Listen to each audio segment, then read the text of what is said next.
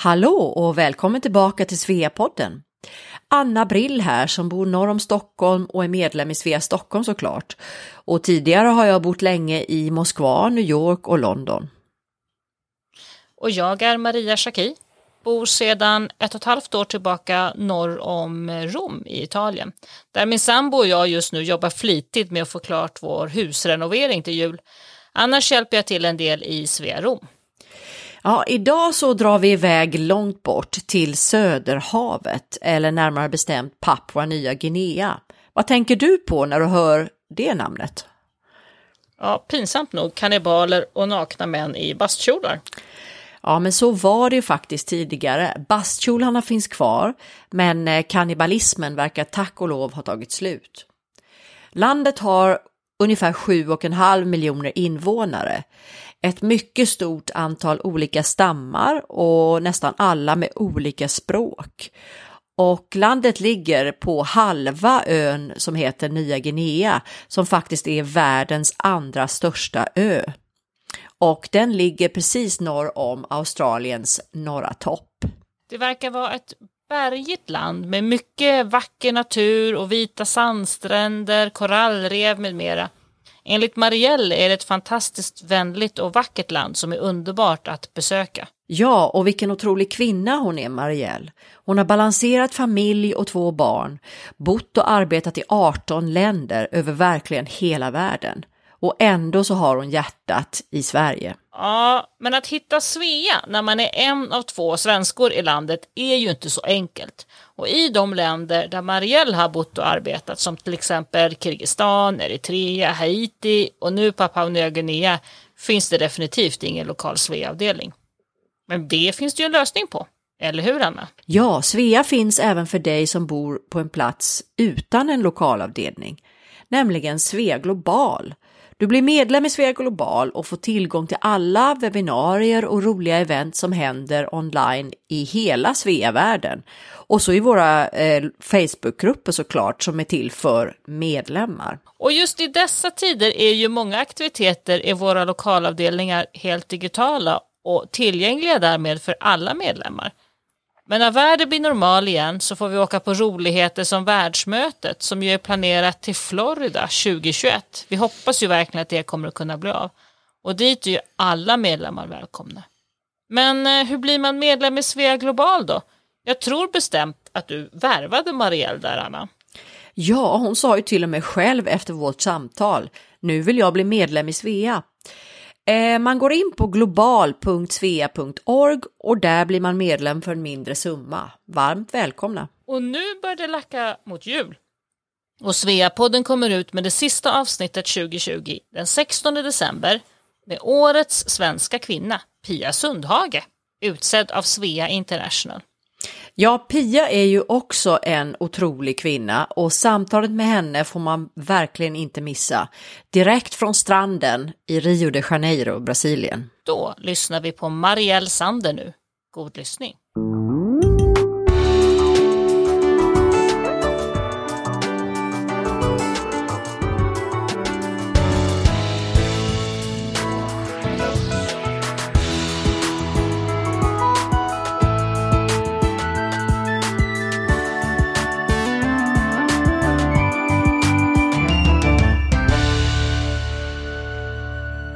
Heter Marielle Sander och är landschef för UNFPA, UN Population Fund, FNs befolkningsfond på svenska. Jag befinner mig i Port Moresby, huvudstaden i Papua Nya Guinea och har jobbat här sedan i augusti i år. Det som kan vara intressant att veta är att jag även är uppvuxen i Papua Nya Guinea, så jag är jätteglad att få möjligheten att komma tillbaka hit med UNFPA till det som jag betraktar är mitt barndomsland. Hej Marielle och vad kul och välkommen till Sveapodden här idag. Så roligt! Vi reser ju världen runt i den här podden och nu har vi verkligen hamnat på ett speciellt och lite ovanligt ställe. Berätta om Papua Nya Guinea. Papua Nya Guinea är ett väldigt speciellt land. Det ligger i Söderhavet, det är det största, den största ön i ögruppen eh, ja, i Söderhavet, lite norr om Australien. Och eh, ja, ett av de sista oupptäckta områdena i världen skulle jag vilja påstå. fullt av olika eh, folk. De säger att det finns 800 språk eh, och tusen olika stammar. Eh, ja, mycket berg, eh, mycket kust och mycket spännande. Vad, vad är landet mest känt för? Ja, om man går tillbaka i tiden så är det väl kannibaler. Uh, numera så är det för guld, kaffe, te, uh, olja, gas, uh, koppar. Ja, många naturresurser har landet. Och de här ursprungsbefolkningen, eller hur? Visst är väl de också man har hört om? Ja, Alltså det, det, det, är inte bara ett folk utan det är massor med olika folk och eh, de hade ju inte så mycket eh, med varandra att göra när, ja, innan man byggde vägar och sådana saker eftersom landet i sig självt är så otillgängligt. Så det, ja, det är olika folkgrupper på ön Papua Nya Guinea. Och hälften av Papua Nya Guinea det, det tillhör ju Indonesien. Och förr i tiden så var det en del av eh, Hollands eh, ja, heter det, Empire. Um, men ja, Nya Guinea, det var en blandning av, jag tror att det var Tyskland, uh, England, ja, olika. Många har, har uh, velat ha, ha händerna på Nya Guinea. Men inga kannibaler längre? Inga kannibaler längre. Wow. Men du berättar, du, du, du sa att din barndom, du spenderar också din barndom där? Ja, jag var uppvuxen här. Eh, jag, när, jag kom, när jag först kom hit så var jag tio år gammal. Och eh, min familj, vi bodde kvar här tills att jag var 17 år. Så det var väldigt eh, mm. viktiga år i mitt liv. Jag åkte också på internatskola eh, när min familj var här. Så jag var också i England och eh, på Hawaii. Men mestadels av tiden så tillbringade jag här i Papua Nya Guinea. Det här var hem för mig olika hur delar av landet. Ni, hur kommer det sig att ni bodde där? Pappa han jobbade med resebyråverksamhet så han fick ett jobb, uh, han fick erbjudande när vi var i Australien. Vi hade precis, ja, ja, faktiskt precis migrerat till Australien från Sverige. Det var på 70-talet. Och uh, han var mer äventyrslysten än vad vi hade förväntat oss och han fick ett erbjudande att flytta upp till Ley i uh, ja, en, en kuststad på Nya Guinea. Och då tackade han ja. Så flyttade vi upp allihopa. Det var ju väldigt Oj, spännande. Och hur, och hur var det? Ja, okej, okay. så om jag går tillbaks i mitt minne. Jag är tio år gammal uh, med mina två syskon, uh, Nicola och Patricia. Uh, vi kom ju till ett helt främmande land. Dels hade vi, vi var ju vana vid att resa redan då eftersom vi hade varit i Bahrain tidigare och sen lite i Sverige. Men att komma till Nya Guinea, det var en helt annan grej för oss eftersom kulturen var så annorlunda. Ja, alltså 40 år sedan, 40, 40 det var många som inte hade kläder alls, utan man gick omkring i en bastkjol. Och det var helt normalt. Och eh, ja, Även i huvudstaden alltså? Ja. I huvudstaden? Ja, ja det också. Oj. Det också. Många år senare även i huvudstaden. Och ja, vi reagerade inte på det. Vi trodde att ja, det är så här man klär sig om man är från Nya Guinea och det var inte mycket mer med det. Och då gick du i skola där då, internationell skola eller? Um, ja, det var Lay Primary School och sen Goroka Primary School. Uh, det var inte så mycket sådär international school på den, på den tiden, men uh, ja, vi gick i skola där. Mm. Och din, dina föräldrar, är de svensk, var de svenskar båda två eller? Ja, jo, jag tänker ni hade inter, inter, inter, internationella namn hade du och dina syskon där. Ja, just det. Ja. Marielle, jag fick ju mitt namn ifrån en olympisk skidåkerska. Och jag är sådär sådär på, äh, på skidor. Men, eh, och Nicola, äh, det är ett engelskt flicknamn. Och sen Patricia är också väldigt brittiskt. Så ja, de ville väl ha namn som kunde resa lika väl som de gjorde själva. Okej, men du, var i Sverige kommer ni ifrån, eller du och din familj? Jönköping. Jaha, ja, men du har bott Småland. där också under, under din uppväxt? Uh, jag var två år när jag lämnade Jönköping och flyttade till Bahrain. Så det var inte så mycket som jag fick se av Jönköping direkt. Så när har du bott i Sverige? Jag bodde i Sverige, efter Bahrain bodde vi i Göteborg en kort stund, eh, typ två, tre år kanske. Och sen när jag eh, var vuxen, jag kom tillbaks till Sverige ja, som 20-åring. Ja, och var här något år. Och sen så kom jag tillbaks igen. Jag, jag har varit jag har kommit tillbaka till Sverige många, många gånger och har börjat om från början. Och, eh, mm. men, men identifierar du dig som svensk? Så att säga? Eller vad, vad, ah, Jesus, hur, hur, vad är, är du? Det är en jätte, jättebra fråga därför Ja, vem är jag egentligen? Vad tillhör jag? Vilket land tillhör jag? Jag kan säga det här att mm. under mina värsta stunder så har jag alltid ja, sträckt min hand efter mitt svenska pass. Därför är det enda som mm. jag har haft, som har alltid varit med mig i livet. Och jag kommer ihåg hur den första gången jag tänkte verkligen på just den här saken var när vi, jag var tillbaks till Australien. Jag har emigrerat till Australien många gånger där också, eh, i alla fall två gånger. Och um, andra gången som jag bodde i Australien så ville australiensarna, regeringen, de ville naturalize the, um, ehm, uh, eh, yeah, all the permanent resident holders. Och uh, de de sa att ja, nu är det dags, du har varit här i ja, sex år eller någonting, det är dags för dig att bli medborgare. Och vid den tiden så, ville, så var det inte möjligt för Sverige eh, för, ja, att, att, ha dubbelt medborgarskap. Och Exakt. jag kom fram till slutsatsen att jag kunde, inte, jag kunde inte ge upp mitt pass. Det var ju det enda jag hade som jag hade rest med. Och trots, och, och vid samma tanke hade jag att ja men då måste jag tillbaks till Sverige. Därför om det är så viktigt att jag inte ens kan ge upp mitt pass så måste jag tillbaks till landet för att se vad är det att vara svensk? Jag har ju en idé i mitt huvud som ja, min mamma och mina, min pappa, men särskilt mamma, det är hon som du vet har vet, alla såna högtider och jul och alltihopa. Och, ja, det var ju det, den bilden av Sverige som jag hade. Så ja, jag åkte tillbaka till Sverige och upptäckte att jag pratade samma svenska som mina föräldrar gjorde på 50-talet. Så det var ju en intressant upplevelse. Mm. Att... Ja, det, är, det, är, ganska wow. vanligt när man varit utomlands en tid och kanske inte riktigt haft de här liksom just svenskundervisning och sådana saker, utan man liksom det är många som har upplevt det. Jo, jo precis. Jag menar, när, jag, när jag bodde i Göteborg så gick jag inte ens i en svensk skola då, utan det var den här engelska skolan i Göteborg. Så jag har aldrig gått i en mm. svensk skola. Aldrig lärt mig, gått i en skola där man har lärt mig svenska eller någonting. Allt som jag kan nu på svenska är, jag är självlärd. själv. Men du, sen när du hade gått eh, gymnasiet då så, så valde du att plugga i London, var det så? Uh, nej, i första hand så uh, efter high school på Hawaii så var jag på universitet i Australien, och gjorde min bachelors där. Uh, ja, precis.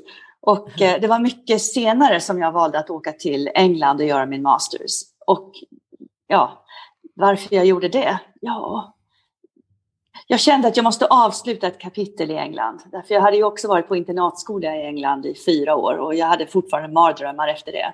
Och eh, i mitt huvud så hade jag en idé att ja, eftersom jag inte gjorde klart mina A-levels så kommer jag aldrig komma någonstans i livet. Damn it, jag måste åka tillbaks. At least to do a masters. Men hur var det internatskola i England? Var det inget kul? Ja, var ju uppvuxen med böcker som var skrivna av Enid Blyton. Jag vet inte om ni känner till Enid Blyton, men hon skrev många böcker, ja. barnböcker om vet, hur spännande det var att, att vara på internatskola i England. Så ja, det var ju den idén som jag hade i huvudet. Så när det var dags för mig att åka utomlands, eh, eftersom det inte fanns bra high schools i, eh, i Nya Guinea. Så valde mina föräldrar att skicka mig till England.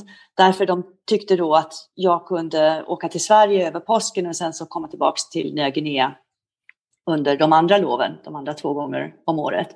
Men när jag kom till England så upptäckte jag ju att det var ett mycket hårdare klimat än vad jag hade förväntat mig. Eh, väldigt eh, eh kallt, eh, inte bara klimatet, jag menar temperaturen, men även... Eh, ja, det var svårt. Det var som att hamna i, i mitten av Charles Dickens, you know, Hard Times eller någonting. Väldigt gammaldags eh, och förbjudande mot allt. Då var det egentligen, om, om, om du har varit en sån globetrotter sedan du var tvååring så var det här med, med utlandskarriär kanske inte någon no-brainer så att säga. Att det var ganska självklart att du, även du hamnade i en, i en utlandskarriär. Var det så? Ja och nej. Ehm, min första karriär, eh, jag ville ju jobba med film och eh, berätta historier, vara en del av historieberättande om människoliv. Därför det var ju det som jag tyckte var så spännande, särskilt också efter det som jag hade sett i Nya Guinea. Men äh, jag, efter, efter, några år där så, ja dels så vill jag inte kunna vara the struggling artist i hela mitt liv heller. Och sen så var jag mer nyfiken på eh, det verkliga livet. Och eh, jag fick en chans eh, i och med att min första man blev han fick ett jobb med Världsbanken på ett projekt i Kirgizistan i Centralasien. Så efter en tid så följde jag med honom dit och eh, där började jag arbeta för eh, FN som volontär först. Och eh, till slut så blev jag anställd som FN-volontär för UNDP i Kirgizistan. Och det var ju mycket spännande. Och på något sätt så hade jag, jag hade alltid velat arbeta för FN jag drogs till tanken att you know, make the world a better place, att göra en insats för världen. Men jag trodde aldrig att just jag skulle förtjäna det på något sätt. Jag vet inte, lite ursäktande där. Hur fungerar karriärvägarna inom FN när man, när man väl kommer in där? Ja, det, det finns ju olika sätt. Right? Um, dels så finns det de som redan från början vet att man ska jobba inom FN och då har de gjort sin bachelors och masters och de har utbildat sig precis i de här ämnena international relations eller något expertområde som FN söker. Och sen så har uh, man en, andra som, som mig då som har, like, uh, har gått en väldigt lång och krånglig väg. Uh, men när man väl kommer in så, så ska man inte tro att det slutar där eftersom för varje arbete man får, varje postering man får så måste man söka till den posten. Så det är inte alls säkert att man blir kvar inom FN. Utan var, vart, ja, vartannat, vart tredje år beroende på kontraktet så måste man söka sin nya tjänst. Liksom. Så det, there's no job mm. security mm. Mm. but a lot of job satisfaction. Du, jag tänkte på det här när du pratar om FN här. Många känner ju, alla känner ju till FN, men alla de här olika eh, organen de har. Kan du inte bara beskriva? Du, du berättade UNDP och sen jobbade du på Unicef när vi träffades i Moskva. Ja, precis. Och, och, nu jobbar du för UNFPA. Beskriv lite vad, vad de här olika eh, delarna gör. Okej, okay. UNDP, uh, UN Development Program, jobbar med governance, policy, in, eh, kanske inte så mycket infrastruktur, men de stora frågorna gällande eh, ja, politik. Um, I vissa länder så arbetar de också med climate change, alltså klimatfrågor, eh, stora drag. Sen så har vi Unicef som alla känner till, eh, jobbar med barn. Och det är en sak som är roligt, om man har någonsin arbetat med Unicef så finns, är man alltid en ambassadör för Unicef. Det är, excellent organization. De gör jättebra saker för barn, så jag är väldigt stolt att ha arbetat för... för Va, vad betyder det att man är ambassadör för Unicef? Vad innebär det? Ja, alltså en del av hjärtat lämnar man ju kvar i Unicef. Därför arbetet är så, så viktigt för barn i världen. Och det är, det är en slags... Man lär sig så mycket om early childhood development, hur viktigt det är med Eh, Eh, en bra början i livet. Att, ja, det påverkar allt annat som man gör därefter. Så jag bär det med mig nu i mitt arbete med UNFPA, FNs befolkningsfond. Och här arbetar vi för att stärka kvinnor och flickors eh, eh jämlikhet. Eh, för unga jobbar vi också i, i samhället, i synnerhet kring frågor som berör sexuell och reproduktiv hälsa. Um, ja. Du, vad är det som utmärker det, den situationen i Nya Guinea där, där du är nu? Är, vad är de stora frågorna som du jobbar med, som ni jobbar med? Ja, de stora frågorna gäller våld mot kvinnor och flickor. Uh, det är ganska uh, ja, widespread. 68 procent säger att de har varit, en, varit offer för våld. Och sen den andra saken ehm, är eh, mödradödligheten som är väldigt hög i Nya Guinea. Därför att eh, under de sista decennierna så har man inte investerat i sjukvård och tillgång till bra eh, ja, sjukvård, personal och så vidare. Så många kvinnor väljer att föda barn hem, hemma. Och det innebär också att om, om det är komplikationer så riskerar de att dö eller att barnet också dör. Så det är de här sakerna som vi försöker få eh, rätta till här i, eh, i Nya Guinea tillsammans med of course, you know, regeringen och the National Department of Health och många partners som vi har runt om i landet. Och det här beror på typ fattigdom och brist på utbildning eller? Uh, definitivt brist på utbildning. Uh, det, det finns skolor men tillgång är inte så stor och kvaliteten är inte så bra. Och sedan att man har, inte förstått vikten av att investera i just den, den här sektorn. Och det kan ju också bero på att det inte finns någon kvinnlig representation i, uh, i regeringen. No female parliamentarians. Zero. Oj. Noll? Mm. Noll. Hur kommer det sig? Patriarkiskt uh, samhälle. Uh, det är svårt för kvinnor att bryta sig loss ur den här normen. Uh, det är kvinnor som vågar, blir nedtryckta, hånade, Eh, utsatta för hot. Ja, så det, det är mycket som... Eh, är det de här traditionella kulturerna som eldar det, på det?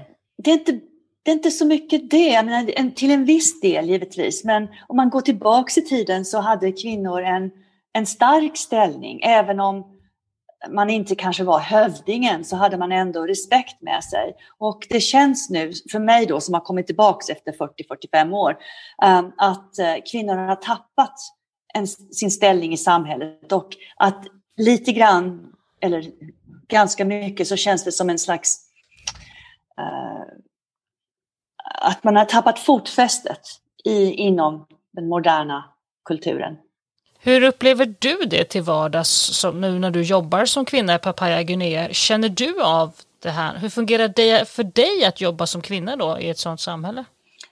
Ja, för mig, jag lever ju ett ganska privilegierat liv. Ehm, jag har en bil, jag, kan, jag kör mig själv hem. Ehm, jag eh, kan gå ut, eh, kanske, men, men jag kan inte gå ensam på gatorna. Eh, eller det är inte rekommenderat att jag gör det, på grund av risken av att bli rånad. Eh, ja, det är väl mest rånrisken. Jag tror jag är för gammal för att, bli våldtagen. Men eh, ja, det har blivit farligare. När jag var här sist så kunde man ju gå ner på stan och så vidare. Men jag vet i Port Moresby så är the governor of the National Capital District, han försöker you know, reclaim the city, ta tillbaka stan. Så han har startat en slags eh, marsch varje, varje morgon klockan fem så går han och en grupp människor från olika settlements, alltså de underprivilegierade områden, um, en morgonpromenad. Och sen varje söndag också. Så det är en del av den här tanken att man ska ta tillbaks staden men jag tänker det här med också att vara då kvinna och jobba där, hur funkar, jag tänker gå ut på gatan är ju kanske då eh, lite läskigt, men i själva arbetslivet, hur, hur finns det en respekt för kvinnor där upplever du då? I ett patriarkalt samhälle på det sättet? I arbetslivet så eh, märker jag inte av någon neg någon negativ stämning för att jag är kvinna. Uh, utan tvärtom, mm. jag, det som jag måste framhäva är att människor i Papua Nya Guinea, de är väldigt vänliga också. Alltså, man bemöts med vänlighet, uh, man, folk vinkar till en på gatorna. ja, de är glada att se en på något sätt. Och väldigt varmt och välkomnande land, trots de höga siffrorna som man, man ser kring våld och uh, abuse, vad heter det på svenska? Um, så det, it's, a, it's a land of dichotomy. Det, det, finns det här och det finns det här samtidigt. Så det går inte att bara förklara det, ja det är ett våldsamt land. Ja, det finns mm. våld, men det finns annat också. Och det är världens spännande ställe. Men det är inget land som man bara besöker som turist? Absolut skulle jag säga att man skulle komma som turist. Absolut. Ja, trots det där våldet och, och liksom rånrisk och sånt där? Ja, men alltså man behöver ju inte vara dum. Right? Um, mm. Man kan vara lite försiktig, men som turist, det finns ingenting som är mer spännande än Nya Guinea. Och jag har bott i 18 länder, rest till nästan 100. Oh, men berätta, att... berätta, när åker man dit och vad är det man ska se? Okej, okay, all right varje år så finns det en festival som heter uh, The Goroka Show. Goroka ligger uppe i bergen runt like 5000 feet, 2000 meter, någonting sånt där. Och där samlas olika stammar från hela landet och har vad de kallar en sing-sing.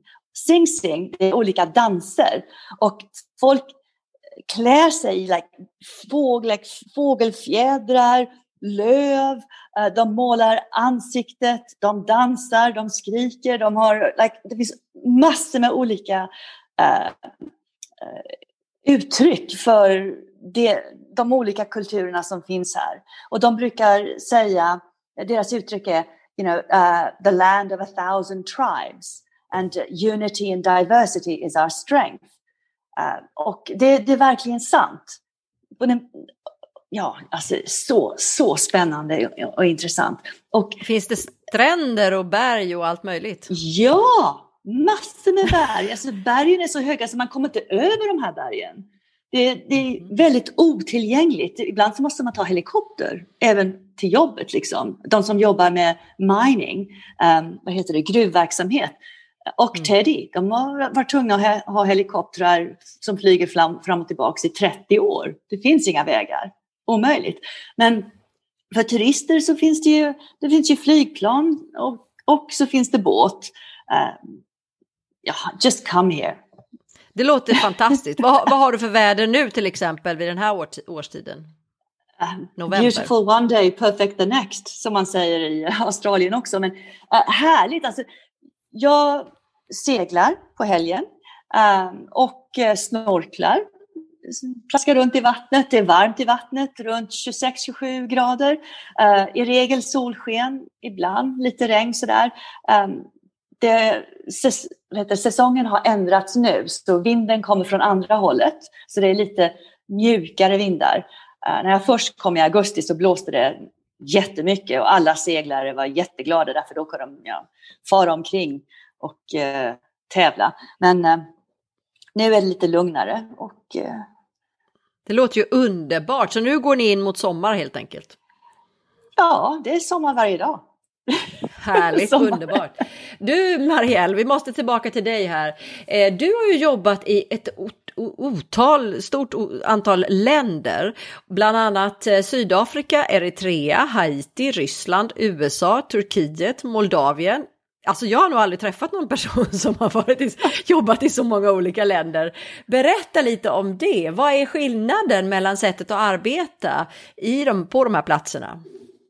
Ja, först och främst, det är ett enormt privilegium att kunna arbeta i olika världsdelar på det här viset och att komma nära in på människor och deras kultur, deras sätt att tänka, eh, ja, deras sätt att vara och, och och världssyn. Jag menar, när jag kom, när jag var först i Kirgizistan i Centralasien, en av de största Ja, I Kirgizistan så var jag så förvånad. Jag konfronterades med mig själv, mina egna uppfattningar. Till exempel, jag ville få tag på Världsbanken. Så jag ringer upp Världsbanken och frågar på tragglig ryska, är det här Världsbanken? Och så är det någon som skäller på mig på andra sidan luren. Om du inte vet att det här är Världsbanken så har du ingen business att ringa det här numret och slänga på luren. Okej. Okay. Och sen det här att, att det tog så lång tid att få folk att le tillbaks. Därför Ja, men sen när de väl hade beslutat sig att le tillbaks till mig, äh, mot mig när, i samma affär som jag gick, in, gick till dag ut dag in i två år, right? Ja, då var jag bästa vän helt plötsligt med eh, den här expediten. Så det, det, ibland tar det lång tid att komma folk nära inpå. Och eh, ja, men sen när man väl har kommit dit så är det ett, eh, man möts med värme. Så om man jämför Kirgizistan med Eritrea till exempel. Det är ett helt annorlunda land som har en väldigt lång historia också. Och eh, där är folk väldigt tillmötesgående och vänliga, de som jag arbetade med. Så ehm, det, var inte, det tog inte lika lång tid att, eh, att komma folk nära där. Och sen också om man jämför med eh, ja, what can I say, Haiti. Ja, Haiti är väldigt färgrikt, glatt, kaotiskt land där alla pratar över varandra och pratar med mig trots att jag inte förstår någonting. Men det spelar ingen roll, utan man pratar i alla fall. Så ja, det, det är hur man bemöts i de olika världsdelarna, olika länder som jag tycker är spännande. Du måste skriva en bok om det här, om alla dina upplevelser från alla de här länderna. Jag vet inte, jag, jag, jag måste kanske få ner mina tankar lite grann. Men ja, måste samla, eller, eller tänka igenom alla historier som jag har hört eller genomlevt. Varför det är intressant, men jag kanske inte tyckte det då. Men nu när man blickar tillbaka så förstår man vilket unikt perspektiv man kan få ja, genom att resa när man har bott runt hela världen så där som du har, du har ju till största delen kanske då jobbat för FN. Hur funkar det då till vardags? Lever man liksom i en liten FN-bubbla där allting fungerar där eller hur mycket kontakt har man så att säga med verkligheten där man bor? Hur, hur, hur funkar det? Det beror på landet skulle jag vilja säga. Därför eh, i, i, vissa länder så är det väldigt lätt att umgås med, med folk och i andra länder så är det eh, mycket svårare på grund av eh, ojämlikheten när det gäller pengar, livsstil och sådana saker. Men om man tar Nya Guinea så är det ju ganska lätt att umgås jag menar, med medelklassen här till exempel. De, jag har ju vänner som har, dels är Eh, nya men också de som har naturalized, som har blivit, eh, har fått medborgarskap här. Så jag umgås inte så mycket med FN-folk utan mest med mm. lokalbefolkningen, de som har bott här väldigt länge. Och om man, om man då är ut, utsänd och jobbar för FN, eh, hur, hur mycket får man ordna själv och hur mycket får man hjälp av FN att ordna? Jag tänker på boende, familj, om man har skol, om man har familj då, hur funkar det med skolor och så? Är det, vilka system har ni för det? Vi, med de här systemen så önskar man ju att man arbetar för svenska ambassaden. Därför, där blir man omhändertagen. Allting är fixat. Skola, var man ska bo någonstans. Allting är ordnat för en. Eh, FN gör ingenting. Så allting är, är upp till mig. Zero. Zero. Man får en lump sum och sen så säger de okej, okay, infinn dig där och uh, fixa biljett transport, uh, you know, quarantine, whatever. Um, lägenhet, Jaha. skola, rubbet. Det är ganska tufft faktiskt. Wow. Ja. Och hur har det fungerat då för er då med barnen och, och familjen? Har, för du har två barn, har de hängt med jorden runt eller hur har ni gjort? Barnen hängde med jorden runt fram tills att eh, jag blev posterad i, på Haiti. Och eh, då var min, eh, min dotter, hon var yngst, hon var 16 och min son ja, 17. Så det var runt de, den där åldern. Och eh, Haiti eh, var en non-family duty station. Man fick inte ha sin familj där på grund av okay. alla oroligheter. Så barnen bodde i New York tillsammans med min man, deras eh, bonuspappa. Deras mm, biologiska mm. pappa är svensk och han är kvar i, i Sverige, på Gotland, där min son är nu förresten. Hur tror du att dina barn då upplever sig, uppfattar de, som också har hängt runt hela jorden, uppfattar sig de som svenskar eller som, ja, vad? Ja, det är så intressant den frågan också, därför vi, jag, jag är äldst av tre systrar och jag är den som har haft mest kontakt med Sverige. Och sen så min mellansyster, hon har ju kämpat med att uh, behålla sin svenska. Och den yngsta, hon, hon struntar mer eller mindre i att hon, har, eh, att hon föddes i Sverige. Hon är ju mest australiensisk och eh, hennes, hennes barn eh, pratar inte svenska alls.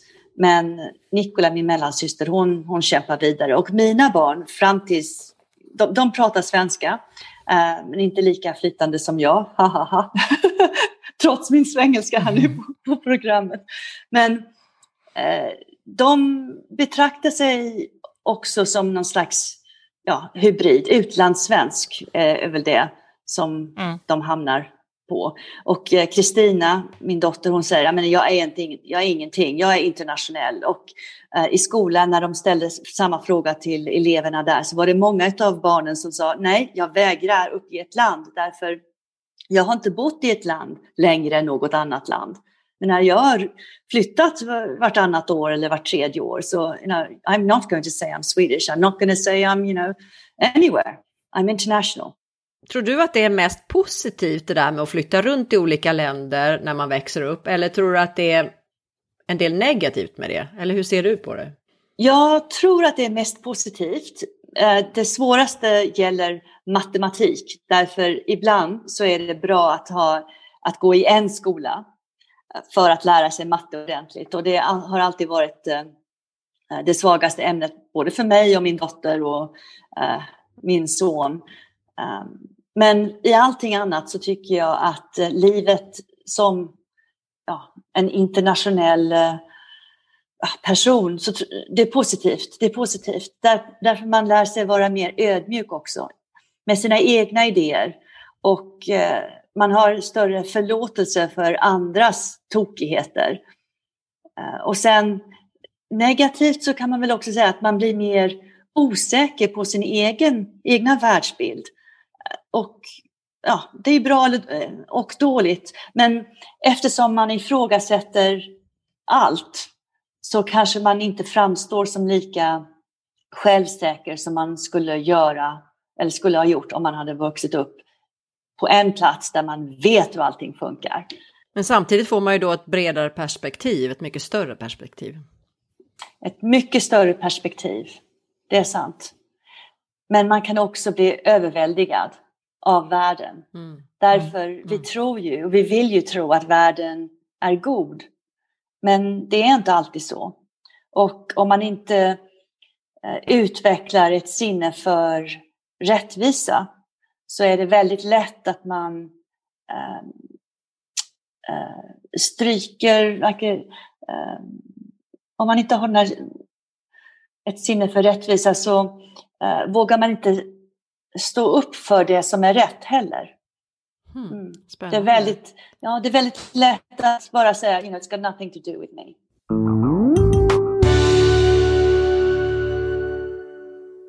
Visste du att Svea är den största ideella Sverigefrämmande organisationen utanför Sverige? Våra värdeord är världsvid vänskap, global kompetens och lokalt stöd. Och eh, vi vill vara det självklara nätverket för svensktalande kvinnor utomlands. Och vårt syfte är att främja svensk kultur, svenska traditioner och såklart det svenska språket i världen. Ja, välkommen att bli medlem i Svea och eh, du hittar all info om hur man gör på vår webbplats svea.org.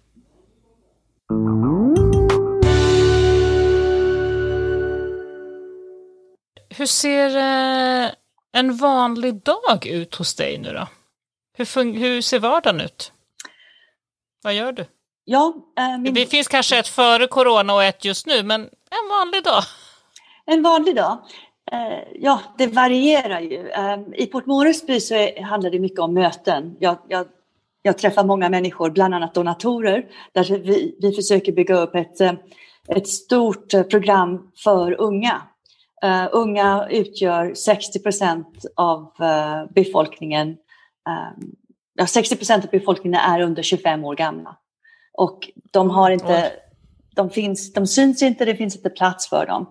Och jag, uh, vi tycker att det här måste ändras på eftersom om inte de, de får ta del av beslut som påverkar dem så kommer de ju inte heller engagera sig i politiken och vilja uh, arbeta för landets framtid. Så vi har ett stort program på gång som vi försöker bygga upp. Uh, så som sagt, jag träffar många donatorer och imorgon så ska jag på en konferens där vi presenterar en uh, research, research on the demographic dividend. Varför man ska investera i unga Motsatsen, det låter som motsatsen till Sverige där vi älskar unga människor på ledande positioner. Ja, det, det är sant. Det är sant. Men eh, på UNFPA så tänker jag, all right, I have to put my money where my mouth is. Vi kommer uh, skapa en post för en ung person som inte har en högre utbildning än bachelors uh, som ska arbeta med oss för att vara någon, vår ambassadör för reproduktiv hälsa helt enkelt. Så att mm. folk, you know, they have to pay attention to this important thing. Men berätta tillbaka till det här med din dag. Berätta Min när dag. du går upp och vad, hur tar du dig till jobbet och var bor du och så vidare. Okej. Okay. Jag bor på ett, ett litet berg precis bakom uh, mitt arbete. Det tar kanske en minut att köra bil ner för det här stora berget till um, till FN-huset som egentligen är en bank, men FN har några våningar där i det här stora huset. Eh, min utsikt, jag börjar dagen faktiskt klockan sex på morgonen med en kopp kaffe eh, vid eh, utkanten här på min lilla terrass som blickar ut över hela eh, havet i Port Moresby. Port Moresby ligger på en stor eh, en hamn, så jag ser vatten så långt ögat kan se. Så det är jättehärligt. Och sen åker jag till jobbet och eh, där har vi ja, en del olika möten. Bland annat så eh, jobbar vi med andra FN-organisationer, UN Women till exempel. Uh, UN Women, uh, chefen för UN Women har sin dotter här nu och hon jobbar med mig som en intern. Så hon följer mig, shadowing me. Så det, det var en intressant dag för henne idag. Hon är 16 år gammal och vi hade ett möte med en sexolog som, ja, som berättade många intressanta historier och eh, idéer som man har fått för sig här i Nya Guinea. Så det var nog en ganska chockerande första dag för henne. Men låt gå. Eh, det är bra. Det är nyttigt att, att veta vad som för sig går runt omkring. Jag hoppas inte jag får ett telefonsamtal från hennes mamma senare ikväll. Och sen äh, träffar jag också äh, många konstnärer. Bland annat så finns det en, en slags äh, väska som man väver av naturmaterial här som heter billum. Billum, eh, billum is life, säger man. Även både män och kvinnor säger det eftersom allting får plats i den här lilla bagen. Det är en slags nätväska som man, ja, inte stickar, men kanske halvt virkar. Kanske det närmaste man kan komma. Man brukar ha bebisar där också. Man bär bebisen. Um, från pannan hänger den här väskan, lilla billumen. Och sen hänger den ner Oj. över ryggen och bebisen ligger där och när man går och så bär man andra billums för andra saker också. Så det som jag gärna vill göra eh, i samband med mitt arbete är också att främja kulturen. Så eh, The Billum har olika mönster i sig och eh, det brukar eh, berätta historier om kvinnors liv. Så vi kommer ja, vi jobbar med att ta fram en bok för att prata om The Billum och de som jobbar med att försöka bevara den här konsten innan den försvinner. Därför därför är det viktigt tycker jag att eh, främja det som kvinnor tycker är intressant och det som ger liv åt kvinnor och det som gör att kvinnor träffas och eh, arbetar tillsammans. Så det, är sådana saker. Men du, har ju, du är väldigt engagerad i alla delar av, av ditt jobb, det märker man. Hinner du alls med någon fritid? Oj, ja min fritid är på vattnet i så fall. Så jag är ute och seglar och eh, ja, tittar på fiskar eh, för det mesta. Men sen så, mitt jobb är mitt liv. Så jag tycker det, det är kul att, att läsa om reproduktiv hälsa. Jag tycker det är intressant att lära hur um, hjärnan utvecklas från att man är liten till ja, genom uh, tonåren och sen även när man blir äldre. Till exempel, visste du att under tiden som en kvinna uh, ger barnet bröstet, jag vet inte hur man säger breastfeeding på svenska, herregud, jag måste åka till Sverige. Man ammar. ja, eftersom det, det påverkar hormonerna så finns det också en möjlighet att påverka hur kvinnan, kvinnan ser på sig själv och sin um, världsbild. Det går att, att förändra. Uh, mm. ja, I och med att uh, hjärnan blir mer plastic. Precis som samma sak som händer när barn är väldigt små, fram till två års ålder, och även när eh, man går in i puberteten. Who knew? Du har så himla mycket spännande för dig, helt otroligt. Du eh, tänkte bara, du, du har ju också en make, en man. Ja. Men han eh, jobbar på ett annat ställe i världen. Ibland, det, det, är så intressant det här med personer som har karriärer på olika ställen i världen. Hur, hur får man ihop det och hur funkar det för dig? Oh goodness gracious. Um, Alan, Alan uh, är min andra man. Uh, min första man, han är på Gotland. Uh, Alan jobbade tillsammans med mig inom internationell ja, utveckling länge, länge. Och det, det, var ju det som också gjorde att vi förstod varandra. Han var lika passionate som, som jag är och mitt arbete och vi skulle ju inte stå i vägen för varandra. Men numera så är han i New York och eh, har, försöker gå över till ett jobb som är mer stabilt. Han känner att han vill vara tillbaka i New York. Han är ursprungligen från New York. Men under, ja, hur, hur länge har vi varit ihop nu? 15-16 år. Det är bara några få år som vi har faktiskt lyckats leva ihop och arbeta ihop. I regel så, när jag var i eh, Kambodja till exempel, så var Allen i Afghanistan. Och sen när han var i Bangladesh så var jag i London. Och sen när jag flyttade till Moskva så var han i Liberia. Och sen efter jag flyttade till Sverige så bodde vi tillsammans ett tag, men sen så flyttade han till New York eftersom det är svårt att komma som utlänning till, till Sverige och det är svårt att komma tillbaks till Sverige som svensk. Så det gick inte sådär uh, eh, bra. Och han är ju från New York, jag menar the center of the universe of course.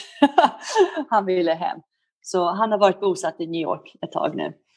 Så ni kör liksom parallella karriärer? Det är inte så att ni tar, en del personer tar ju så här, du vet, eh, nu tar du, nu hänger jag med dig och sen hänger du med mig. Så har inte ni gjort? Vi har inte kunnat göra det på, på samma sätt eftersom dels är det svårt när man jobbar med FN att få ihop ett sånt parallellt liv. Eh, särskilt om det är jag då som har eh, det ledande jobbet.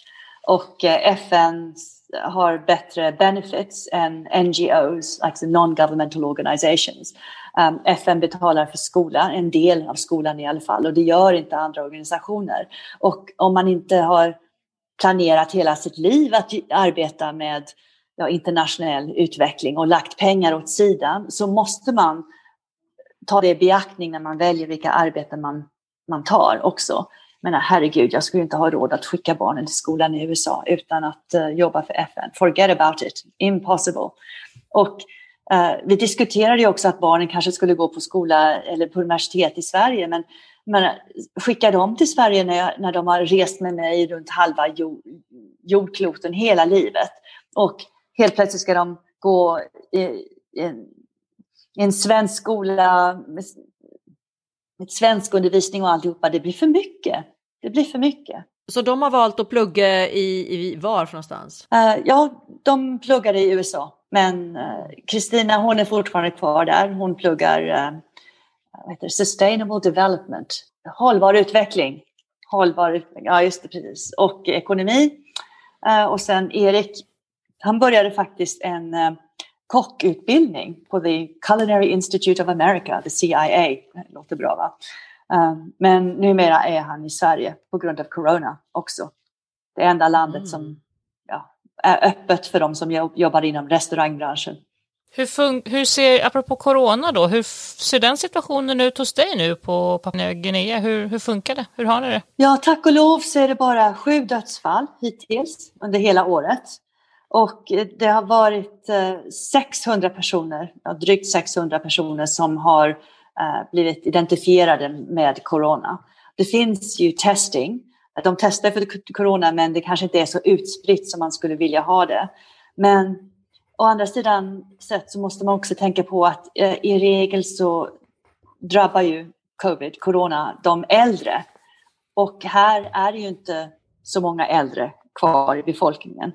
Um, så ja, av den anledningen så säger de att uh, kanske det är därför vi har blivit uh, vi har undvikit det värsta utav covid. Men man vet ju aldrig, det kommer ju i vågor det här.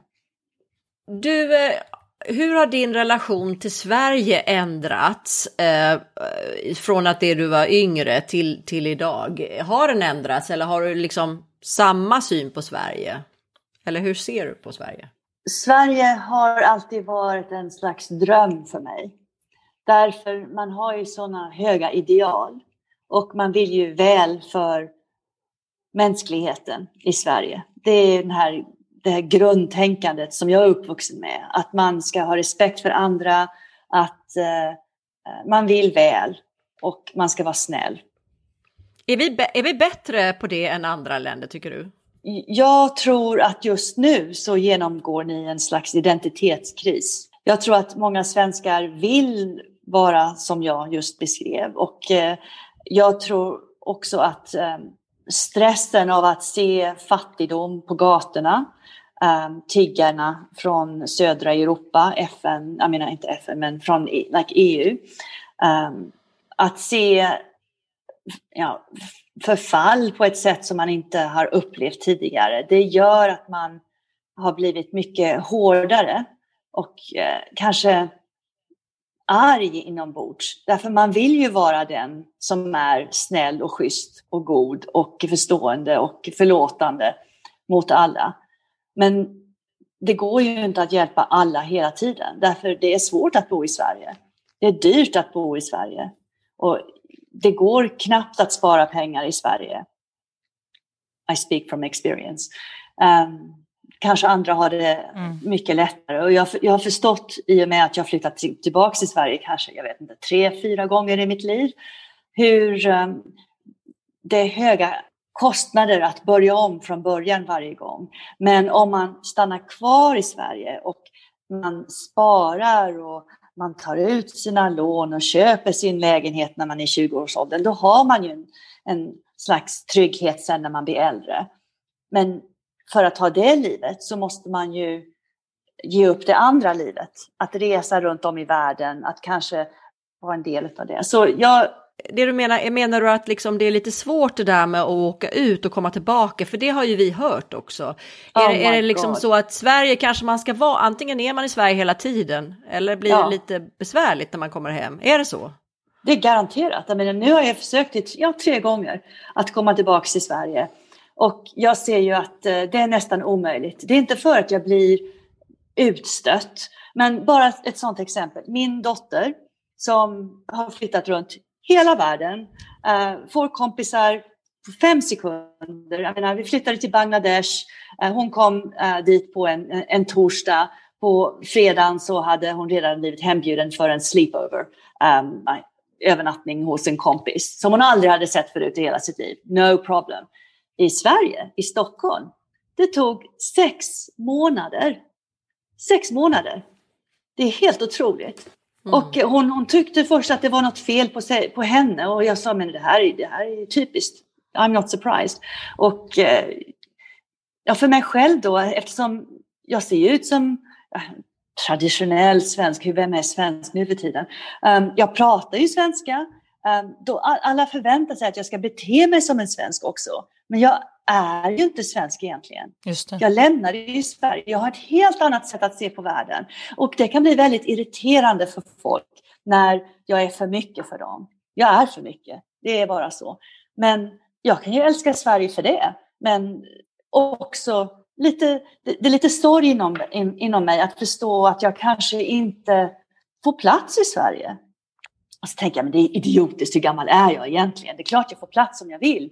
Men samtidigt nu då så måste jag också tänka på min familj, min man, mina barn och eh, om, ja, om min framtid är i Sverige.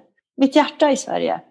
Jag tänkte precis fråga det. Vad, vad, vad, tänker du den dagen du liksom själv bestämmer och inte behöver tänka på vad du ska jobba och så, utan eh, du slutar jobba och ska bosätta dig. Var blir det då, tror du? Blir det Sverige? Vet du, jag, jag tänker många gånger på att det skulle vara härligt att ha ett litet, litet, litet ställe i Sverige. Därför det finns ju, jag har väldigt goda vänner i Sverige eh, som jag verkligen älskar. Och eh, trots att jag har varit borta så mycket. Men när barnen var små så kom jag ju tillbaka till Sverige varje år för att de skulle ha den här kontakten med Sverige. Och eh, det finns en eh, innerlighet i Sverige som jag tycker inte att man hittar på andra ställen. Mina svenska vänner är familj. Alltså det är ett mycket djupare plan tycker jag. Så vi får se var jag hamnar. Men eh, jag är glad där jag är. Och eh, jag är alltid glad för det mesta. Förutom när jag är arg. arg mot Vad härligt! Du Marielle, vi skulle kunna prata med dig hur länge som helst. Alltså jag bara har massor med frågor kvar, men vi försöker hålla oss till runt en timme här. Men jag tänkte bara det, det du har ju så superspännande jobb, du har varit med om så otroligt mycket. Hur kan man följa dig om man vill liksom delta i ditt liv? Finns du på sociala medier eller har du någon blogg eller kan du starta en blogg? Kanske ska starta en blogg, men jag finns ju på Facebook, så be my friend on Facebook. Um, och sen så just nu med UNFPA så är jag en Papua New Guinea. Du kan söka vår webbsida och uh, social media där också. Uh, UNFPA PNG. Uh, Papua New Guinea. Är det på Facebook alltså? Det är Facebook, Instagram. Vi håller på att bygga upp vår web presence den, eh, den ser inte sådär jättespännande ut nu. But just wait, just wait, give me six months. Ja. Life will be transformed forever. Härligt! Ja. Och jag hoppas... så hoppas jag också att du skriver en bok om hela ditt liv för att eh, man vill hänga med liksom, till ja, alla de här spännande ställena där du har varit. Tack så hemskt mycket. Tack för att du vill vara med. no worries. Tack för att Tack för att du ville vara med i podden och ja, vi önskar dig allt gott och lycka till. Tack så hemskt mycket.